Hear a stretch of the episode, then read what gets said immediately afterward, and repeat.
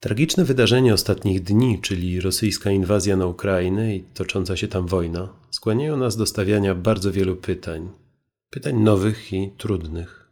W poszukiwaniu odpowiedzi na nie sięgamy najczęściej po internetowe źródła informacji i media społecznościowe. I tu pojawiają się bardzo istotne pytania. Jaka jest ich rola w obecnej sytuacji? Co jest ich siłą, a co słabością? Wreszcie, jak nie ulec pułapkom, które zastawiają na nas pilnie pracujący propagandyści i internetowe boty. O tym rozmawiać będziemy z naukowcami z naszego uniwersytetu, profesor Kariną Stasiuk-Krajewską oraz profesorem Mirosławem Filiciakiem. Ja nazywam się Max Bielecki i zapraszam Państwa na pierwszy webinar Strefy Technologii realizowany w ramach cyklu W obliczu wojny.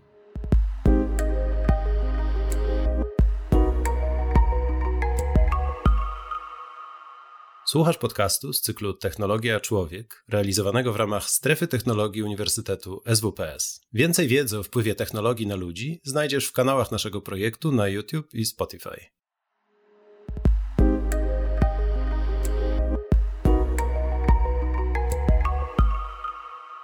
Chciałem bardzo serdecznie przywitać dzisiejszych e, gości. E, są ze mną pani profesor Karina Stasiuk-Krajewska, medioznawczyni, teoretyczka komunikacji, która w pracy naukowej, a także dydaktycznej zajmuje się, no właśnie, między innymi kwestiami teorii komunikacji i mediów, ale także projektami naukowymi, które bardzo bezpośrednio wiązać się będą z tym, o czym będziemy rozmawiać, bo pani profesor koordynuje w Polsce projekt CEDMO, czyli Central European Digital Media Observatory.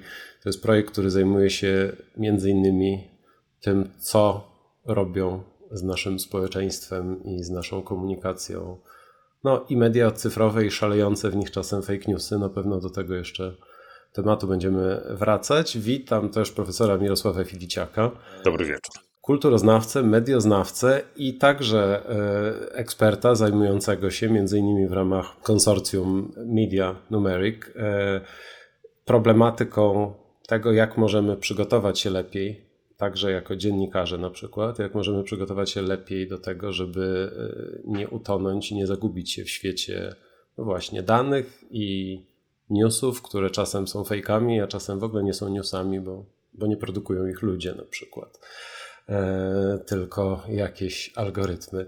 Witam Was bardzo e, serdecznie. Zanim przejdziemy do pierwszego pytania, to też bardzo serdeczna prośba, jak zawsze Wiele się zmienia e, i to bardzo szybko w ostatnim czasie, ale to się nie zmienia, że zrobimy co w naszej mocy, żeby odpowiadać na zadawane przez Was e, pytania. E, tak więc serdeczna prośba, żeby nie zapominać o tym, że jest czat. Jeżeli tylko będą się pojawiać jakieś pytania, będziemy się starali jakoś do tych wątków nawiązywać. Ja też będę się starał przekazywać te pytania naszym, naszym ekspertom.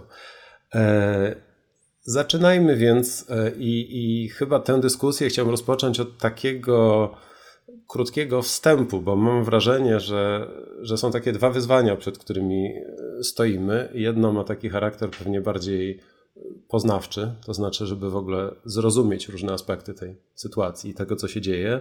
I drugi, e, no też pewnie bardzo jakoś angażujący nas w tej chwili emocjonalnie, czyli ten, co możemy zrobić. E, czy my jako obywatele, ale też jako osoby, no właśnie, korzystające z mediów, e, możemy, nie wiem, może mądrzej z nich korzystać, a może w jakiś bardziej odpowiedzialny sposób, a może możemy uważać na, na pewne niepokojące zjawiska. Zaczniemy chyba od tego pierwszego wątku. Ta trwająca w Ukrainie wojna jest w sumie, tak mi się przynajmniej wydaje, pierwszym takim wielkim konfliktem który jest w takim natężeniu obecny w mediach społecznościowych, te, które konflikty międzynarodowe, z którymi mieliśmy do czynienia wcześniej, no e, albo były na tyle dawno, albo były na tyle odległe, e, że, że, że nie byliśmy z, nich, z nimi konfrontowani tak intensywnie. Jakie, jakie to ma znaczenie? Jakie ma znaczenie, że nagle wojna jest nie tylko w prasie czy telewizji, ale nie wiem, na TikToku albo, albo na Facebooku?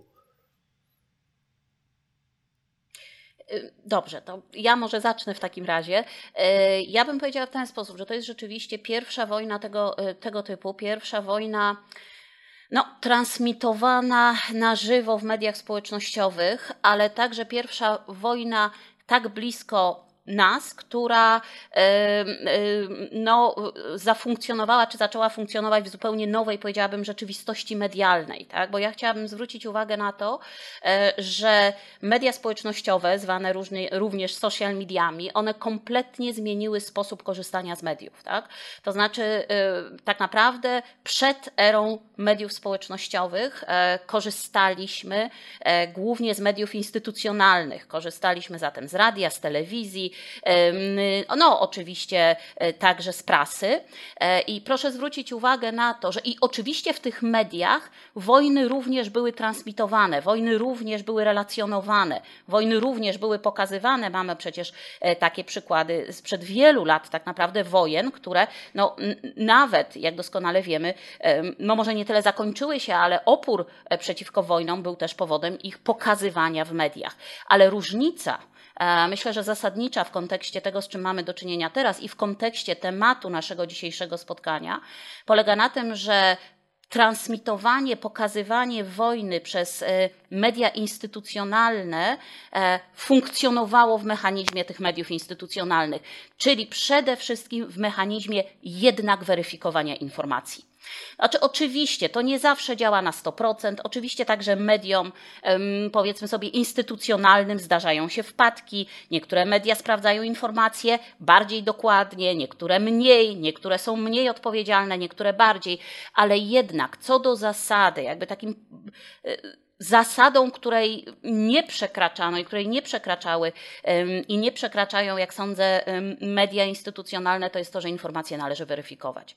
W tej chwili e, mamy sytuację taką, w której znaczna część informacji, e, czy też nawet większa część informacji, jak pokazują niektóre badania, czerpana jest z mediów społecznościowych.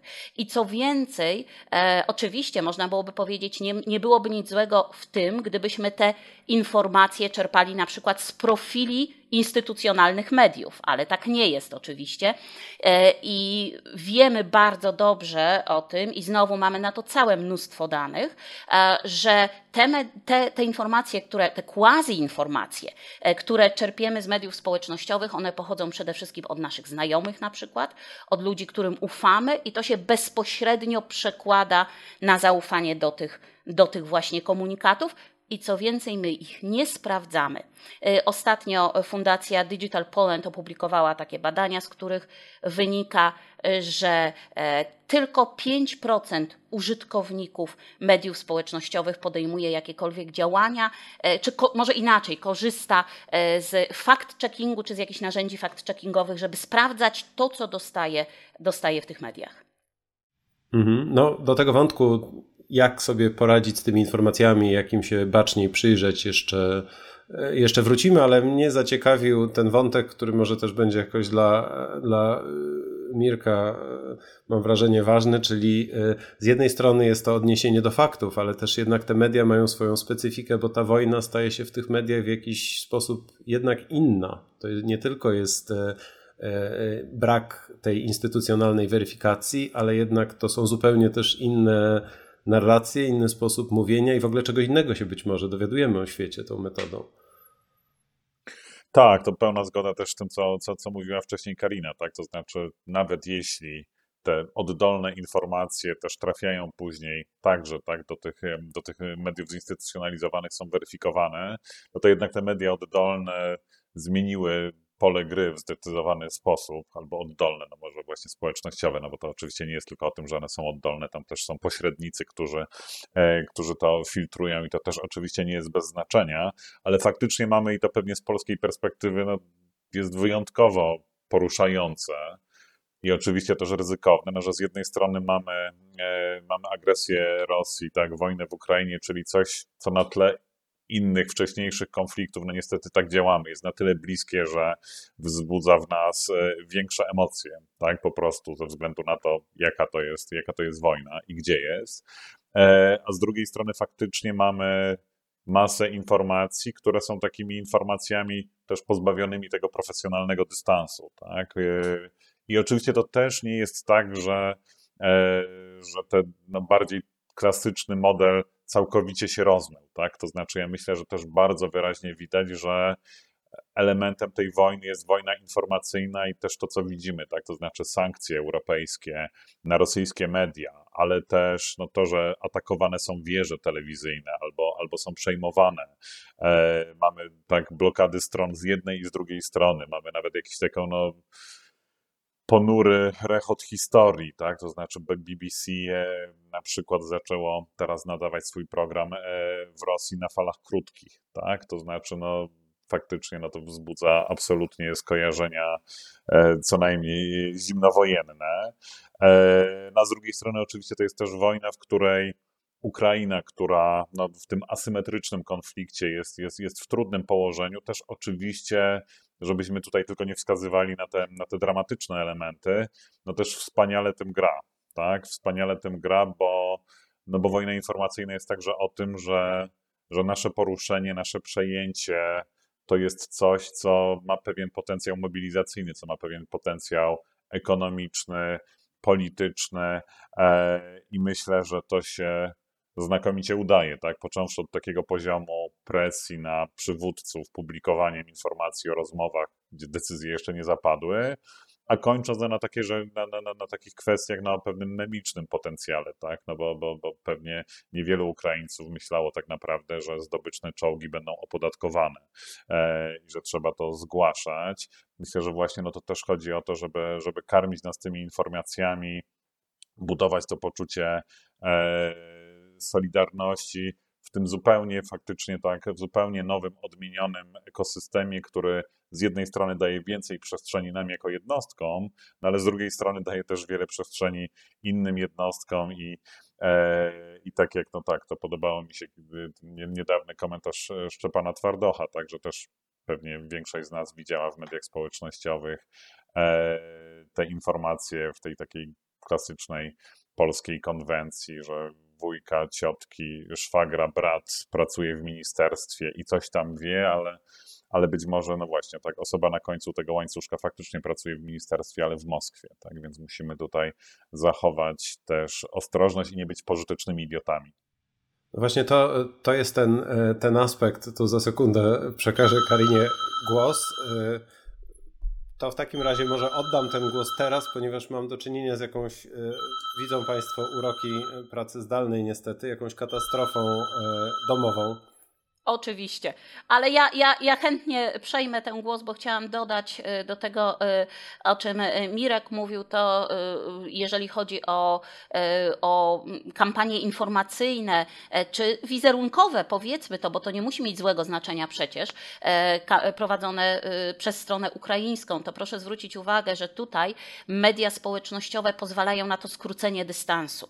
Tak? Więc łatwiej nam odczuć współczucie, ale też łatwiej łatwiej nam e, odczuć podziw, prawda? E, łatwiej nam e, przyjąć te emocje, bo jesteśmy jakby bliżej tych, tych mediów społecznościowych niż bylibyśmy, niż bylibyśmy w, powiedzmy w odniesieniu do mediów tradycyjnych, bo wiadomo, że te instytucjonalne zawsze jakiś dystans tworzą, a tutaj czujemy się uczestnikami tej komunikacji, prawda? Czujemy się, że to jest dla nas, że my możemy to podać dalej, że my możemy to skomentować. To ma oczywiście te swoje negatywne konsekwencje, ale jeżeli mówimy o tych pozytywnych, to myślę, myślę że też, też warto, warto o tym wspomnieć, o potencjale memicznym, ale też właśnie o odwoływaniu się do takich rozmaitych, powiedziałabym, stereotypów, e, no, niezłe, być może jakiejś słowiańskiej duszy nawet. Ja z kolei pamiętam filmik, który y, dotarł do mnie z różnych źródeł dotyczący na przykład y, y, przenoszenia, zdaje się, miny przeciwpiechotnej, prawda, tam z papierosem w ustach i tak dalej. I, I to też jakby nam przybliża tych ludzi.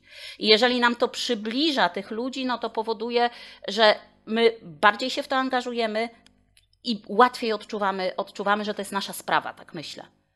Wydaje mi się też tak już z takich obserwacji, bo na pewno przyjdzie czas na jakieś refleksje takie bardziej formalne, ale z obserwacji protestów, e, w których tu w Warszawie współuczestniczyłem, że jednak jest to e, fakt, że ten konflikt jest obecny tak silnie właśnie e, w tych nowych, nowych mediach sprawia też, że demografia osób zainteresowanych tą sprawą jest zupełnie inna. To znaczy, nagle te narracje o niezaangażowaniu młodych ludzi, o młodym pokoleniu, któremu jest wszystko jedno, e, okazują się być zupełnie e, no, fałszywe i, e, i chyba nawet w kontekście tych protestów, tej fali protestów dotyczących praw kobiet, no, nie, nie było aż takich tłumów po prostu naprawdę bardzo, bardzo młodych ludzi. No i też wydaje mi się, że, że, że ten aspekt właśnie tego, że to, co widzimy w sposób taki bardzo naoczny, w takiej bardzo prywatnej, czyjejś osobistej narracji, jednak w takim sensie emocjonalnym działa no, bez porównania silniej i w jakiś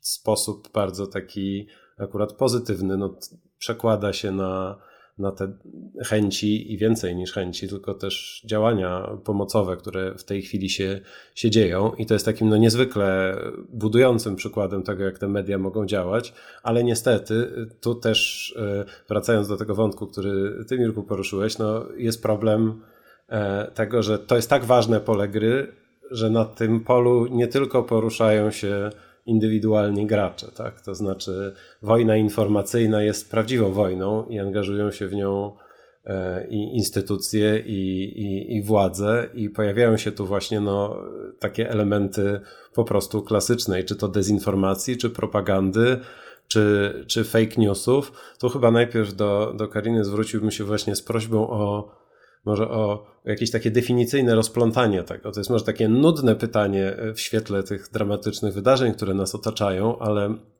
ale czasem jak zrobimy sobie trochę porządku, to może łatwiej jest tę rzeczywistość e, pokonać. To, to jak to jest?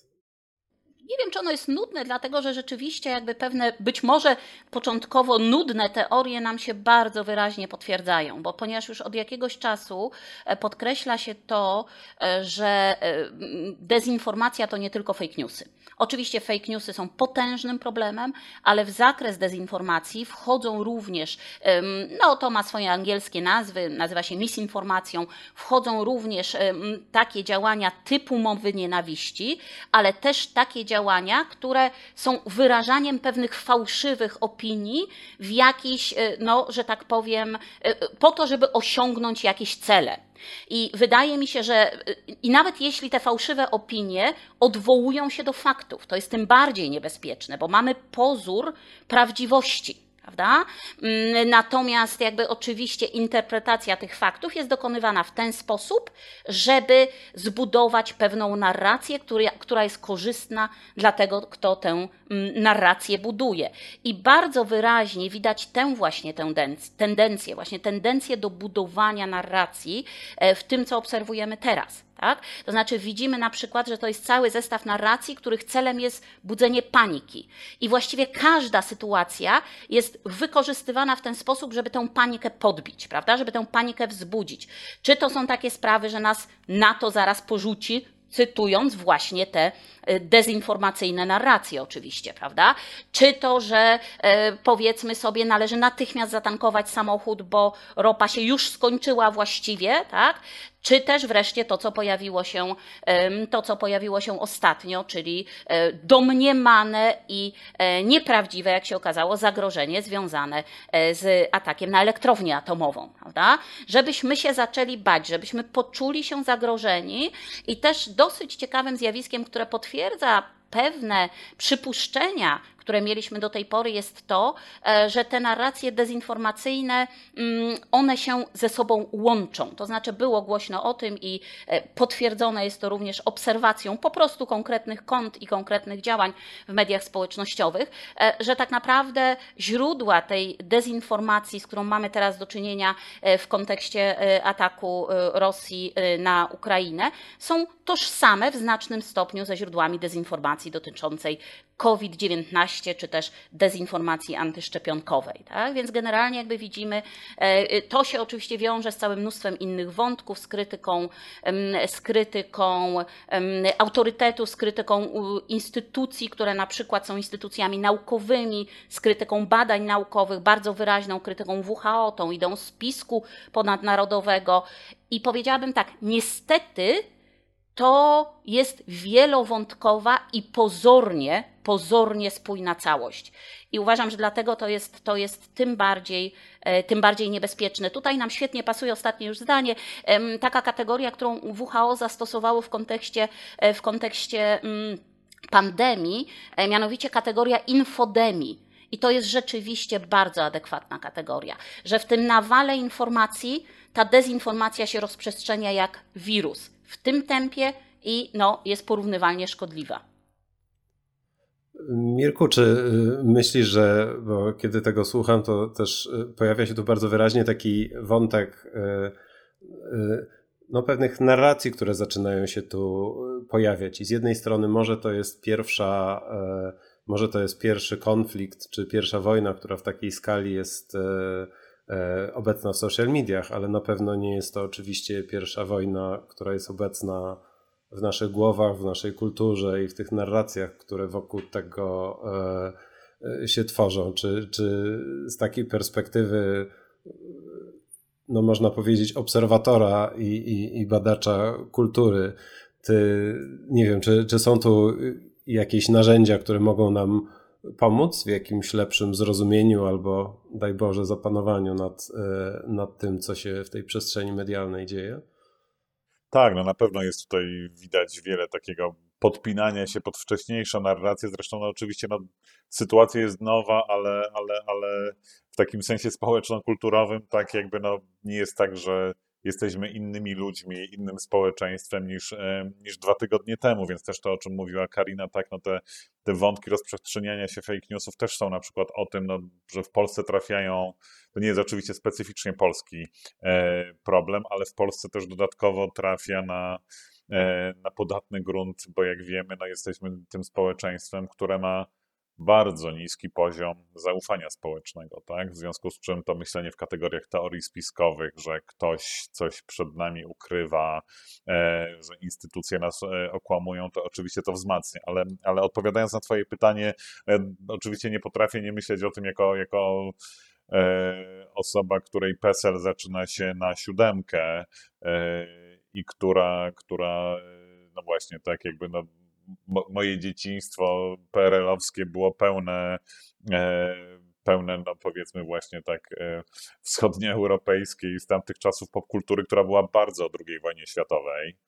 E, ja myślę, mówiąc szczerze, że, że, że nawet te absurdalne, absurdalne putinowskie wypowiedzi na temat, na temat rzekomego faszyzmu panoszącego się na Ukrainie, no są właśnie obawą przed tą narracją, która no myślę, że na wschodzie, tak jak na wschód od Polski ma jeszcze większe pole rażenia, tak, no to jest ta bardzo silny tożsamościowo e, dla obywatelek i obywateli byłego Związku Radzieckiego, no mit wojny ojczyźnianej, tak, takiej wojny najsprawiedliwszej ze sprawiedliwych e, i takiego heroicznego boju, który musi pochłonąć e, ofiary, ale ale jest też o byciu pewnym, no nie wiem, sumieniem, sumieniem świata, no ale równocześnie oczywiście, no tak jakby widzimy, że e, no tak, jakby po, po, po której stronie jest racja i myślę, że no w pewnym sensie tak, no Ukraina też jest dzisiaj takim, takim sumieniem Europy. I oczywiście no to jest ten taki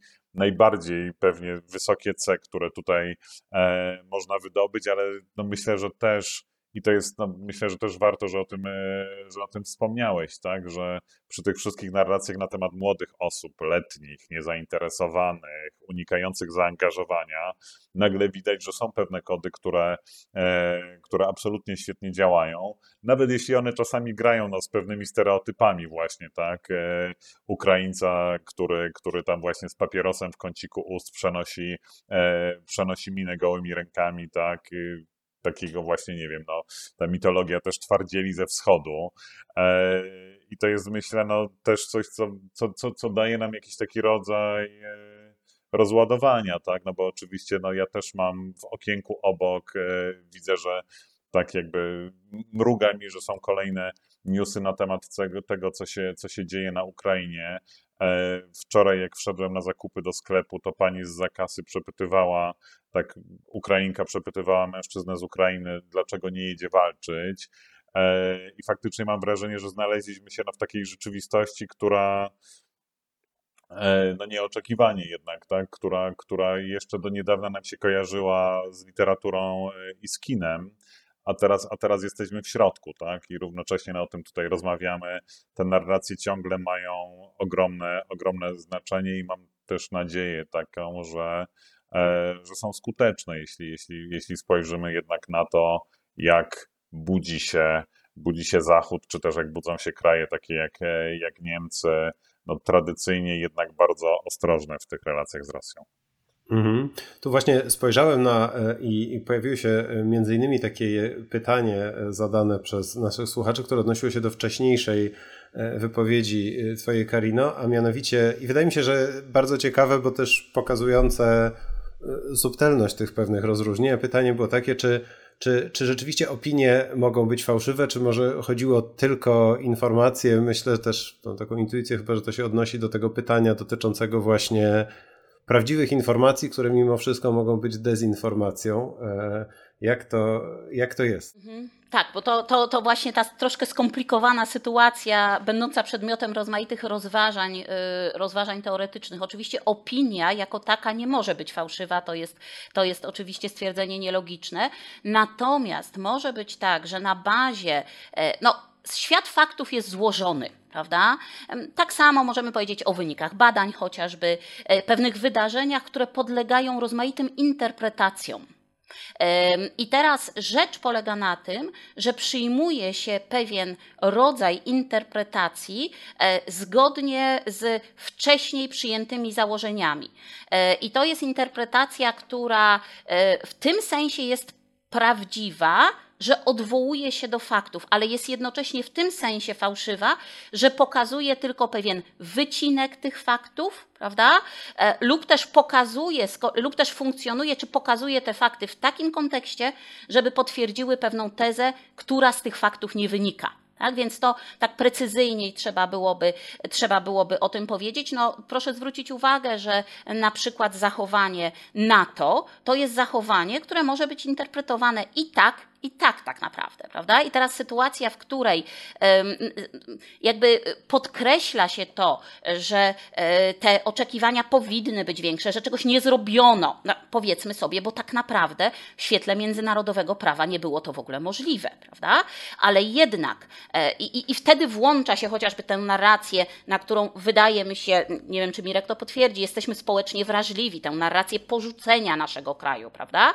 To Mam na myśli coś takiego, więc oczywiście e, uwaga słuszna, że powiedzenie, że opinia jest fałszywa jest nadużyciem, natomiast e, interpretowanie faktów e, w ten sposób, żeby potwierdzić pewne wcześniejsze założenia, które z tych faktów nie wynikają, no to tu już można użyć tej kategorii misinformacji spokojnie. Mhm, to ja tutaj chętnie, tak, chętnie, chętnie dodam kilka słów i nie chcę, nie chcę też odchodzić za daleko od tego tematu wojny w Ukrainie, ale E, ale w ogóle mam nadzieję, że być może ta sytuacja, kiedy też no, bardziej niż, e, niż w innych okolicznościach widać, e, jakie znaczenie ma, mają opinie, tak, w sensie właśnie opinii społecznych, tych narracji, które, które zyskują pewne poparcie, bo oczywiście no, tą zasadą zawsze e, ważną w dziennikarstwie jest tak wysłuchanie każdej strony, prezentowanie różnych opinii, no ale też musimy mieć świadomość sprawczości tych opinii, tak? I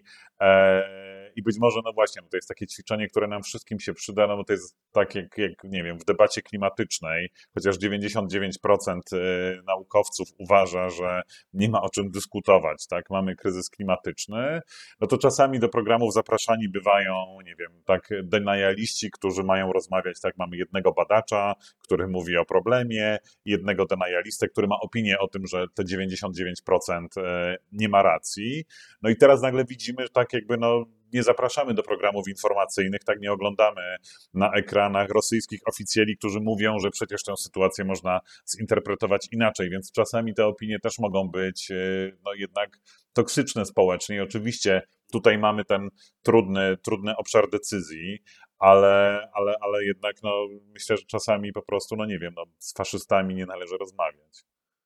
Tak jest też kwestia oczywiście intencji formułowania tych opinii. Ja bym to jeszcze raz podkreśliła, że po prostu to są opinie, które są formułowane pod wcześniejsze założenia e, i, i, i wręcz e, i, i, też mamy na to dokumenty czy dowody wynikające z badań, po prostu e, opinie, których formułowanie jest opłacane, tak? Opłacane po to, żeby, żeby właśnie siać tę dezinformację, zamęt i tak dalej, i tak dalej. Informacyjny. Mhm. Wydaje się, że to, to akurat chyba takie bardzo ponure i pierwsze tego rodzaju laboratorium, że tak powiem, właśnie w tym aspekcie, czyli to, co obserwujemy systematycznie przyglądając się tym kontom, które najpierw do tych narracji tak wpychały antyszczepionkowe poglądy i teraz po prostu y, y, uległy ponurej przemianie i z dokładnie tych samych źródeł teraz z taką samą intensywnością płyną jakieś właśnie fake newsy dotyczące, nie wiem, zagrożeń związanych z imigracją. Chciałem zadać wam, bo jest tu, powiedziałbym, lawina pytań, które w gruncie rzeczy, choć widzę od pani Maji, od pani Barbary, Werka też coś zgłasza i to tak naprawdę są wszystko te same, powiedziałbym, że parafrazy tej samej kwestii, tego samego wyzwania, więc chyba poprosiłbym was e, oboje, w jakiej tylko chcecie kolejności, o jakieś porady. A pytanie i wyzwanie jest takie, jak rozmawiać z ludźmi, którzy, jak to ktoś tu e, ujął z pytających, nie potrafią czytać innych newsów albo w inny sposób tych newsów niż właśnie na przykład od strony rosyjskiej. To znaczy, co zrobić albo jak skuteczniej e, no, otwierać innych na, na jakąś dyskusję w takiej właśnie bardzo spolaryzowanej sytuacji. Tak, to, tak może. Ja, ja, ja zacznę, no to oczywiście jest zawsze trudne, tak, ale, ale myślę, że moment, kiedy zaczynamy mieć już w ogóle tę rozmowę, czy coś jest fake newsem, czy coś jest właśnie, nie wiem, nieprawdziwą albo częściowo nieprawdziwą informacją, e, no to już ten, to już jest ten moment, kiedy zaczyna być E, być może łatwiej, bo my też oczywiście pewnie dzisiaj powiemy trochę o tym, na co należy uważać, ale to nie jest rocket science, tak? To znaczy, jakby jest kilka prostych zasad, kwestii, na które należy uważać, ale pewnie tym punktem wyjścia jest zadanie sobie tego pytania, czy to nie jest właśnie sytuacja, w której ktoś celowo wprowadza nas w błąd, albo ktoś celowo podgrzewa e, pewne, e, pewne nastroje. I z tej perspektywy, oczywiście, no, myślę, że takim punktem wyjścia może być próba jakby no, zainteresowania się źródłem i pewnego zdekonstruowania pewnego pakietu, e, pakietu intelektualnego, który temu źródłu towarzyszy. Oczywiście tak, no, jeśli chodzi o jakieś konto, w którym no, ktoś być może jest po prostu właśnie tym, przepraszam za to sformułowanie po raz drugi, ale, ale pożytecznym idiotą i e, nie musi być to koniecznie zawodowy troll opłacany przez jakieś służby.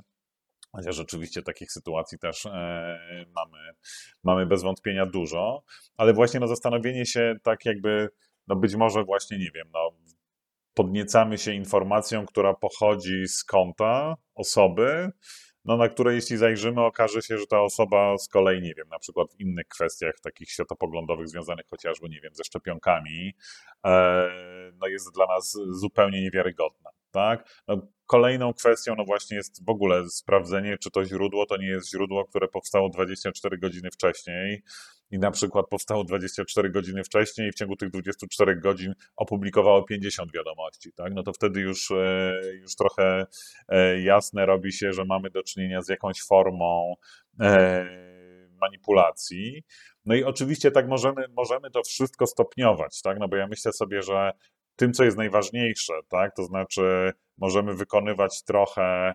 Ja myślę w ogóle, że, że, że to jest też taki moment, gdzie z jednej strony bardzo doceniamy te standardy jednak wypro, wypromowane, wytworzone przez, przez profesjonalne dziennikarstwo. Tak? Ja na przykład bardzo sobie cenię to, że jak czytam relacje na stronie Guardiana, e, no to jest to absolutnie relacja jakby tak pisana też z tej perspektywy proukraińskiej, bo trudno mieć e, inną, ale kiedy na przykład pojawiają się tam informacje, nie wiem, o stratach e, po stronie rosyjskiej, to zawsze jest notatka, redakcja nie jest w stanie zweryfikować tych liczb. Tak? Bo nie wiemy. Być może w jakiejś części to jest też element tej e, wojny informacyjnej. No więc ja myślę, że musimy mieć świadomość tej odpowiedzialności, że jeśli widzimy jakieś informacje, to po pierwsze no zanim coś udostępnimy, to, to się naprawdę zastanówmy, tak, i sprawdźmy to. E, możemy też, no właśnie, dokonywać takich obywatelskich, oddolnych interwencji u innych osób, które rozpowszechniają jakieś szkodliwe bzdury.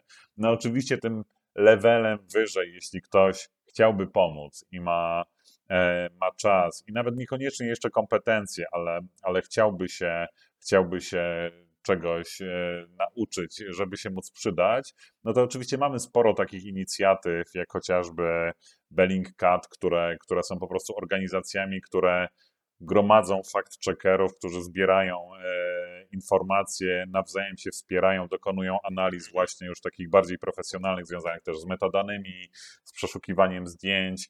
E, jasne jest, że nie będziemy tego robić wszyscy, bo, bo, bo mamy różne zajęcia, to wymaga masy czasu, e, energii, ale myślę, że to, co możemy zrobić wszyscy, to taki absolutnie podstawowy fact-checking i jeśli mamy wątpliwość, to po prostu nie puszczajmy tego dalej. Mhm. No to mi przechodzi do głowy, zanim Karina tobie przekaże głos, e, to, to, to przychodzi mi do głowy taki komentarz jednak psychologiczny, bo pojawia się też trochę pytań właśnie takich odnoszących się do faktu, że rozmówcy o innych poglądach często w takich sytuacjach jakby są kompletnie zamknięci na te, na te nasze argumenty.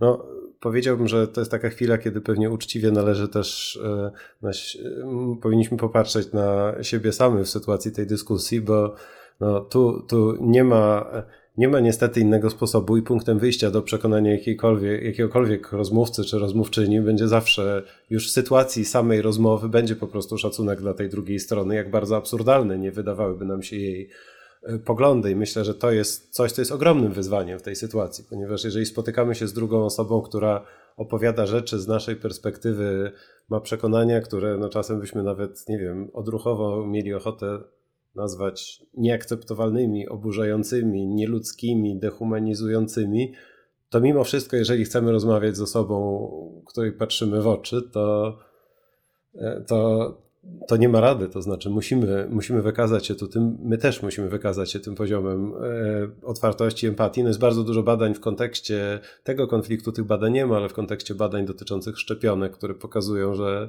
no, na przykład wyśmiewanie tych postaw antyszczepionkowych jest zupełnie niedziałającą i absurdalną strategią, a intuicyjnie jest to niby naj, najprostsze, tak? No przecież to jest absurdalne, przecież nauka, przecież nauka działa.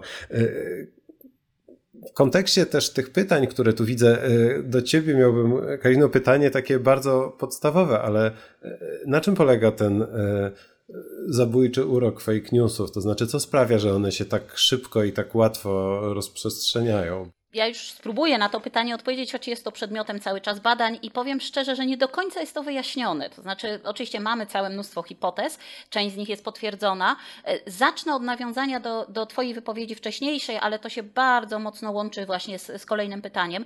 Czy ja bym powiedziała tak, yy, yy, że warto być może próbować, to bywa oczywiście trudne, ale warto być może odwoływać się do racjonalności. To znaczy, my raczej mamy taką konstrukcję samych siebie, lubimy być traktowani jako osoby racjonalne w sensie my jako członkowie społeczeństwa, więc być może ta próba uświadomienia, mm, moje na przykład doświadczenia są takie z rozmów ze studentami, że powiedzenie im, słuchajcie, ale zobaczcie, ktoś, przepraszam, pozwolę sobie, Mirek użył już tego określenia dwukrotnie, ja użyję go po raz trzeci, pozwalacie z siebie robić absolutnie prymitywnymi metodami pożytecznych idiotów. Czy naprawdę jesteście tak niekompetentni, że nie widzicie tego, tego i tego?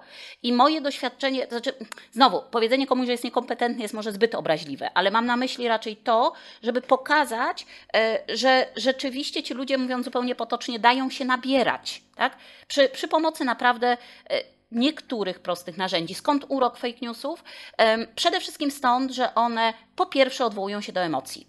I to jest bardzo charakterystyczne i to jest też taka y, rzecz, którą myślę bardzo mocno podkreślić należy. Mirek o tym wspominał, jeżeli widzimy coś, co nas emocjonalnie wciąga, porusza, to powiedzmy sobie na tę sekundę stop, zanim to udostępnię, zanim to w to uwierzę, a potem to udostępnię, powinienem, powinnam zrobić kilka rzeczy, pewnie jeszcze za chwileczkę do tego wrócimy, zresztą o części z nich też już, też już była mowa. Więc to jest pierwsza rzecz. Druga rzecz, fake newsy potwierdzają naszą, naszą wizję świata. One w znacznej części są dobierane do naszych e, poglądów, do tego, e, co my już lubimy. Robią to algorytmy.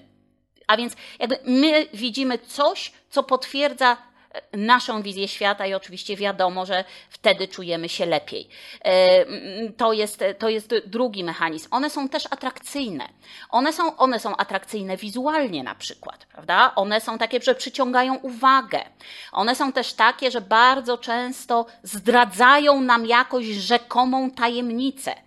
Więc my się czujemy doinformowani, my się chcemy tą wiedzą szczególną podzielić z naszymi znajomymi, prawda? I w ten sposób powstają te słynne łańcuszki. No, badania pokazują, za każdym razem ta, ta informacja, ta dana mnie zadziwia, że fake newsy rozprzestrzeniają się w mediach społecznościowych sześć razy szybciej niż prawdziwe informacje. Z tych powodów, o których, między innymi z tych powodów, o których, o których powiedziałam. Coś, co mi tu przychodzi w tym, e, e, w odwołaniu do Twojej wypowiedzi do głowy, to to też, że e, niestety, biorąc pod uwagę obecną sytuację, niestety, naprawdę jak najbardziej wiarygodne informacje dokumentujące obecną sytuację bardzo są do tych fake newsów zbliżone. Czy też odwrotnie, prawda? Fake newsy się upodabniają. Mm, tak, ale, ale w, że, że, że w takich spokojniejszych, że w tych spokojniejszych czasach informacja ma pewną formę i pewien sposób przekazu, który jest taki bardzo spokojny i racjonalny, podczas gdy fake newsy wyróżniają się jakąś sensacyjnością, clickbaitowymi tytułami i tak dalej. No, e, obecnie rzeczywistość jest tak dramatyczna i tak zaskakująca i też wszyscy mamy taką potrzebę reagowania natychmiast.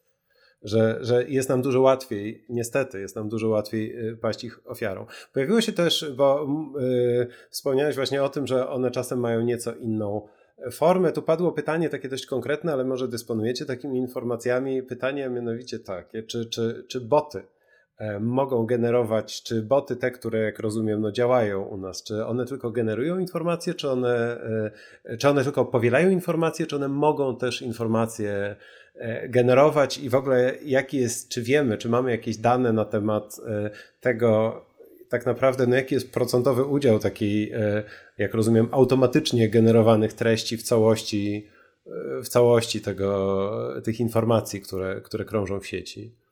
Czy takimi statystykami wiarygodnymi ktoś w Polsce dysponuje, albo macie może jakieś tego rodzaju dane? Okej, okay, Mirku, ja czy ty?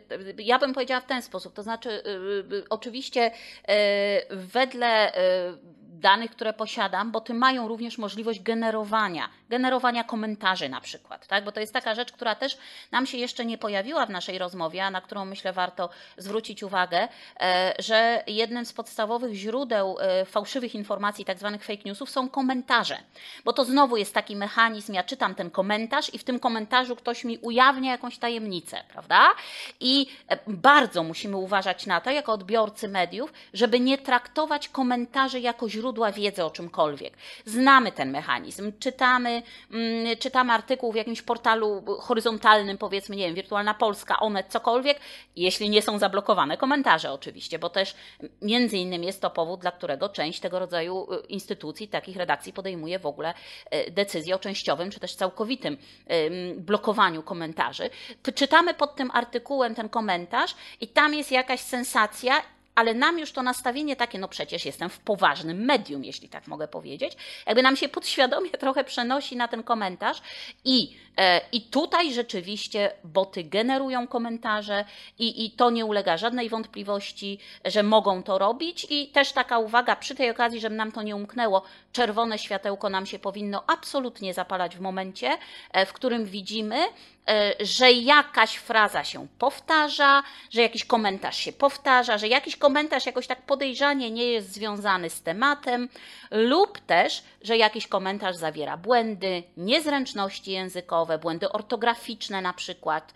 I to jest coś, co powinno nas bardzo silnie e, no, postawić w taki stan, powiedziałabym, alertu w kontekście właśnie e, komentarzy, quasi informacji, fałszywych informacji generowanych przez boty.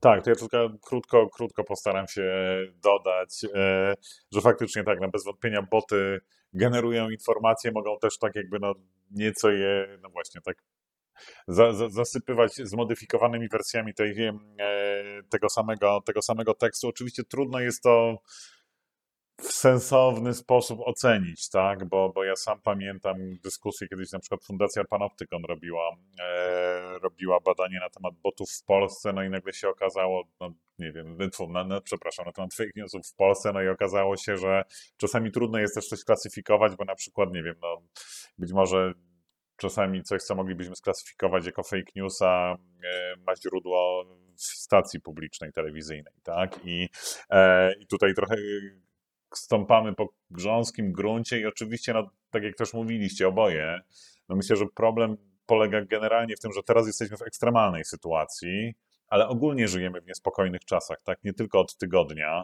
ale, ale żyjemy też w czasach pewnej niepewności, e, tak, kiedy wiele rzeczy się zmienia, a równocześnie no, mamy to te skrzywienia poznawcze, tak, to znaczy lubimy, e, lubimy informacje, które są, no właśnie, nie wiem, jakoś potwierdzają to, co, to, co myślimy o świecie, albo, albo nie są dla nas niemiłe, więc mamy tutaj te efekty, no i na to się nakłada to, wokół czego dzisiaj też trochę krążymy, tak, to znaczy nie kwestionując możliwości imponujących tego nowego systemu e, medialnego, bo faktycznie mamy sytuację, w której no, nawet wręcz do poziomu, wiem, że o hakerach będzie, e, będzie osobne spotkanie, ale, no, ale, ale, ale grupa ochotników, nie wiem, zbierających zdjęcia i pracujących e, wokół tego, na przykład, nie wiem, analizująca zdjęcia rejestracji z rosyjskich pojazdów, no to są ludzie, którzy poświęcają swój własny czas i robią coś, co ma wartość wywiadowczą po prostu, tak? Pomagają Ukrainie w ten sposób, więc to jest imponujące.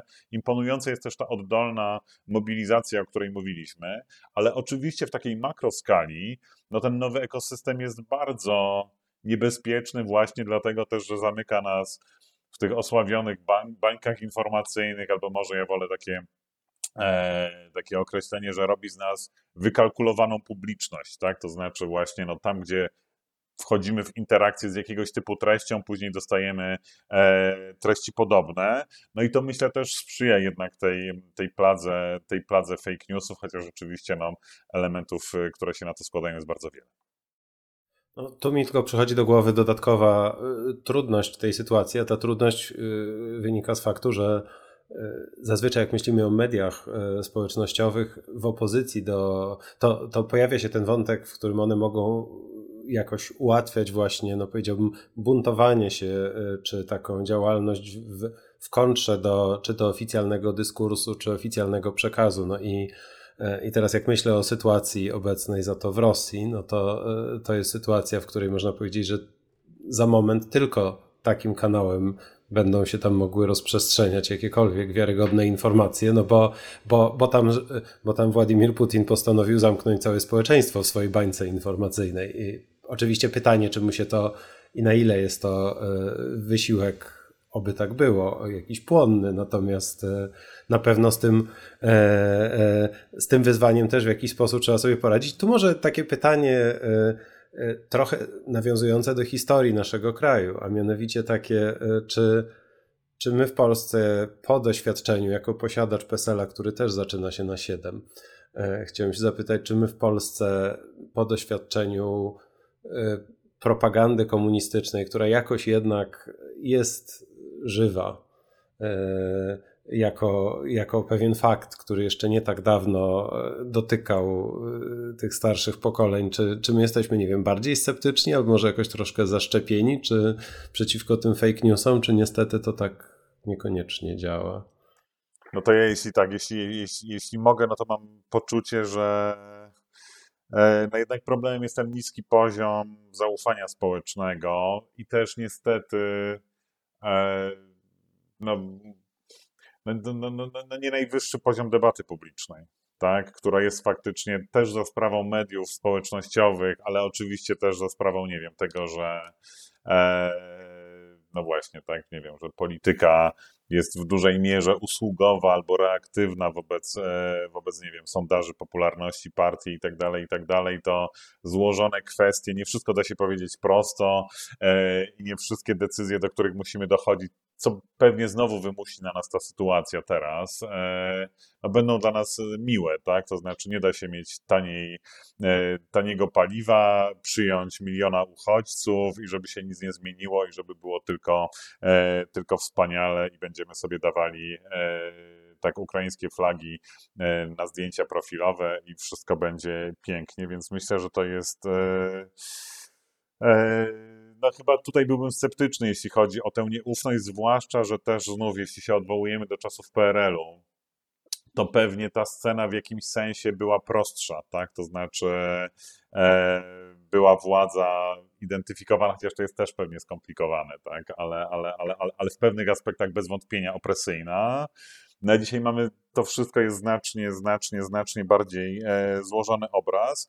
Wreszcie pojawia się też taki element związany z tym, że jesteśmy, myślę, i to nie jest tylko o Polakach i Polkach, jesteśmy przyzwyczajeni i nauczeni do tego, że ktoś może nam, mówiąc kolokwialnie, wciskać kit w tekście, ktoś może nam, no tak, to już od czasów stalinowskich wiemy, że ludzie znikają ze zdjęć e, i są wymazywani z historii, e, ale myślę, że też to, co jest z jednej strony, no właśnie tutaj dużą szansą, tak, zbieranie danych w sieci, tak, to, że żyjemy też w czasach metadanych i big data w ogóle, no to też na przykład wizualizacje danych są, myślę, jakąś taką nową formą manipulacji, mogą być nową formą manipulacji i jesteśmy na to, myślę, słabo, słabo przygotowani, tak? I tutaj nawet nie chodzi o to, czy, czy ktoś ma jakieś kompetencje statystyczne albo, albo, albo zna się na metodologii badań, ale, ale no wokół nas dużo jest wykresów, które się zaczynają nie od zera, pomijają pewne rzeczy i tak dalej, i tak dalej,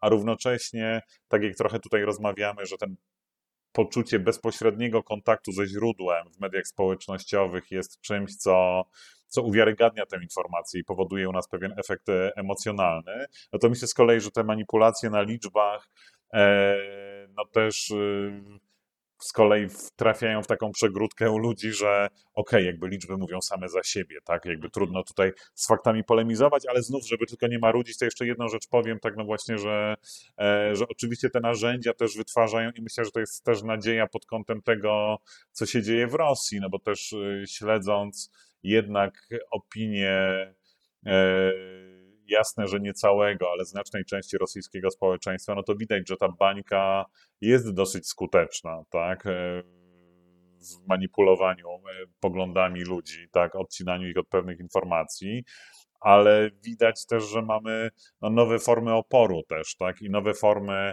szukania luk w tym, począwszy właśnie od ataków hakerskich, a kończąc na takich, no może trywialnych działaniach, ale może komuś one oczy otworzą tak to, że ludzie, nie wiem, na Google Maps albo na Yandexie wpisują, nie wiem, przy, przy, przy moskiewskich restauracjach, e, wrzucają zdjęcia e, dramatu z ukraińskich miast, -hmm. więc mhm. myślę, że jest w tym też jakaś nadzieja.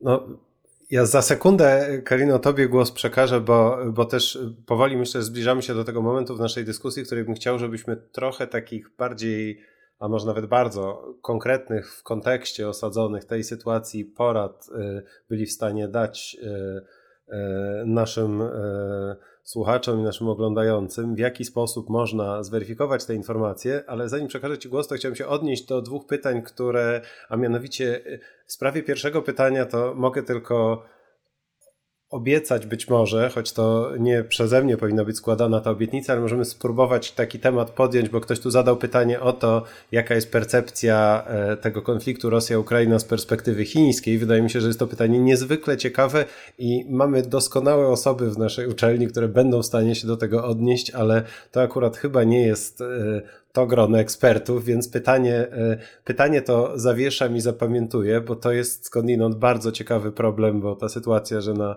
na mapie światowej pojawił się inny wielki gracz i nagle trzeba w ogóle zacząć mu się bacznie przyglądać. A, a jest tu też jedno pytanie, z którym chyba sam chciałbym się po prostu zmierzyć, dlatego że jest bardzo bliskie temu, czym ja się za to naukowo zajmuję, bo ktoś tu zadał pytanie, czy, czy to nie jest po prostu tak, że, że tych informacji tak najzwyczajniej w świecie jest za dużo i akurat na to pytanie, to znaczy, czy my nie jesteśmy po prostu nimi zalewani, na to pytanie z takiej perspektywy już e, tego kawałka nauki, którym ja się zajmuję, czyli, czyli psychologii poznawczej, która się zajmuje tym, jak człowiek myśli, jak człowiek rozumuje i jakie są też ograniczenia tych procesów, to mogę spokojnie powiedzieć, że tak, to znaczy zaczęliśmy funkcjonować w środowisku, no nie bez powodu pojawiają się te, e, te, te porównania, które mówią o infodemii, ale też o smogu informacyjnym. To znaczy, jest takie natężenie transmisji informacji, które po prostu jest, można powiedzieć, toksyczne, w tym sensie, że ta ilość, ta reprezentacja świata, która się pojawia u nas w głowie, nie robi się lepsza, tylko robi się słabsza w tej pogoni, mniej adekwatna w pogoni za każdą najświeższą informacją, każdym gorącym newsem i tak dalej. I być może w takiej sytuacji, jak teraz, bardzo dramatycznej, ale też sytuacji, w której my na co dzień z minuty na minutę, chwała Bogu, e, w Polsce nie musimy podejmować zwykle tak dramatycznych decyzji. Być może rzeczywiście skupienie się na jakichś działaniach bardziej długoterminowych i na taka dieta informacyjna, zdrowsza powiedziałbym, może akurat psychologicznie być, e, e, być, bardzo, być bardzo korzystna, bo to bo ten zalew informacji, które właśnie są bardzo takie clickbaitowe, jest, jest ogromny. No. I tu właśnie przechodzę do. chciałbym podzielić się w kontekście tego, o czym mówił Mirek przed momentem, jedną informacją dziś. Pomyślałem sobie, ja jej nie zweryfikowałem.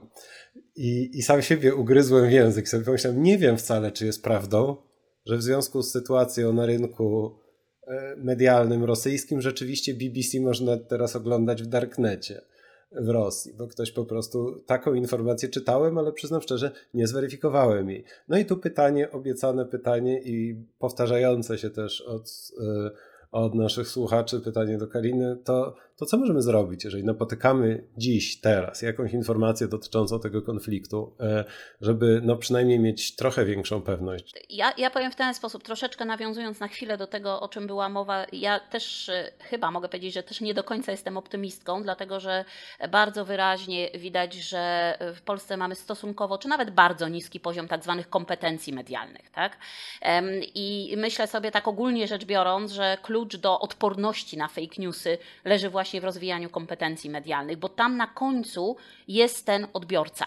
I tak naprawdę oczywiście rozmaite instytucje narodowe, ponadnarodowe, krajowe, e, wielcy, tak zwani wielcy gracze, którzy próbują, no powiedzmy, może więcej o tym mówią niż robią, ale jednak jakieś tam mechanizmy wprowadzać, to jedno, natomiast na końcu jest odbiorca. I to, co zostało już, o czym Mirek powiedział, też wspominał, ja, i o czym ja też próbowałam powiedzieć, przede wszystkim za każdym razem, kiedy dostajemy coś, kiedy coś widzimy, to poświęci ten ułamek sekundy, tę sekundę na to, e, żeby włączyć racjonalność, jeśli mogę tak powiedzieć. E, a potem posprawdzać różne rzeczy, posprawdzać autora, posprawdzać domenę, posprawdzać zdjęcie przy pomocy wyszukiwarek odpowiednich. Wyszukiwarki dają nam taką możliwość, czy funkcji w wyszukiwarkach. Nie jest to trudne, a naprawdę bardzo często wtedy już na pierwszy rzut oka widać, że to zdjęcie pochodzi z zupełnie innego kontekstu. Tak? Zwrócić uwagę na właśnie ewentualne błędy językowe, niezręczności językowe. Zastanowić się, czy to przypadkiem nie jest coś, co za bardzo pasuje do naszego światopoglądu to jest, jest troszkę trudniejsze, bo musimy się zdystansować wobec samych siebie, ale okej, okay, no możemy próbować. Oczywiście tutaj zawsze należy mówić o tym krytycznym myśleniu, ale to też jest taka kategoria, którą dość trudno zoperacjonalizować. No i, i, i powiedziałabym, jest jeszcze jedna ważna rzecz. Oczywiście my nie jesteśmy specjalistami w fact-checkingu, ale chciałabym zwrócić uwagę, że jest sporo instytucji, które się w tak zwanym fact-checkingu specjalizują, mm, że, y, y, że mamy w Polsce kilka takich platform, czy to jest platforma Czy to jest, czy to jest demagog, czy, czy też to jest, czy też to jest konkret 24 i rzeczywiście po prostu wejść na którąś z tych platform i sprawdzić. Tam po pierwsze można sprawdzić, czy coś jest fake newsem, czy nie jest. Oczywiście nie wszystko, bo tego jest tak dużo, że absolutnie te platformy z tym nie nadążają, ale po drugie też, i myślę, że to jest w kontekście edukacji bardzo wartościowe, możemy też zobaczyć, jak oni to robią. I niektóre z tych narzędzi są naprawdę dość proste. Też publikują, mm, powiedzmy sobie, rozmaite tutoriale dotyczące tego, jak to robić. Więc także w internecie jest dużo źródeł, gdzie raz możemy zobaczyć, czy przypadkiem ktoś już tego nie sprawdził, a dwa możemy zobaczyć, jak prostymi metodami to sprawdzać. Mhm. Nie wiem, czy ty, Mirku, chciałbyś jeszcze jakąś dorzucić instytucję, stronę, miejsce, gdzie, które warto jest odwiedzić właśnie w tym kontekście, bo sporo z tych pytań, które się pojawiały, dotyczyło konkretnie tego, co, co robić, co robić teraz. Pewnie wiele nie dodam, ale tak, no, czyli jakby te, te, te, ekipy fact-checkingowe, widziałem też, że NASK uruchamia nową inicjatywę, więc, więc pewnie też można to dorzucić do listy. To refleksyjne podejście do źródeł i taki cross-checking po prostu, tak? To znaczy, no, sprawdzić, czy ktoś gdzie indziej się do tego odniósł. E, no i później tak, no to ja mówiłem kilka razy już o Bellingcat, e, Karina też teraz wspomniała o AFP, Mamy na stronach internetowych całe pakiety narzędzi e, z instrukcjami, tak jak pracować z mapami, ze zdjęciami, metadanymi, nie wiem, też z Wayback Machine, czyli takim archiwum internetu, żeby można było patrzeć, czy coś się nie pojawiło, nie zniknęło. E, też pewnie teraz tej listy nie wyczerpiemy, chociaż no może, może, może jesteśmy w stanie później pod, pod nagraniem e, wrzucić kilka linków, które byłyby dla naszych słuchaczy, słuchaczek pomocne.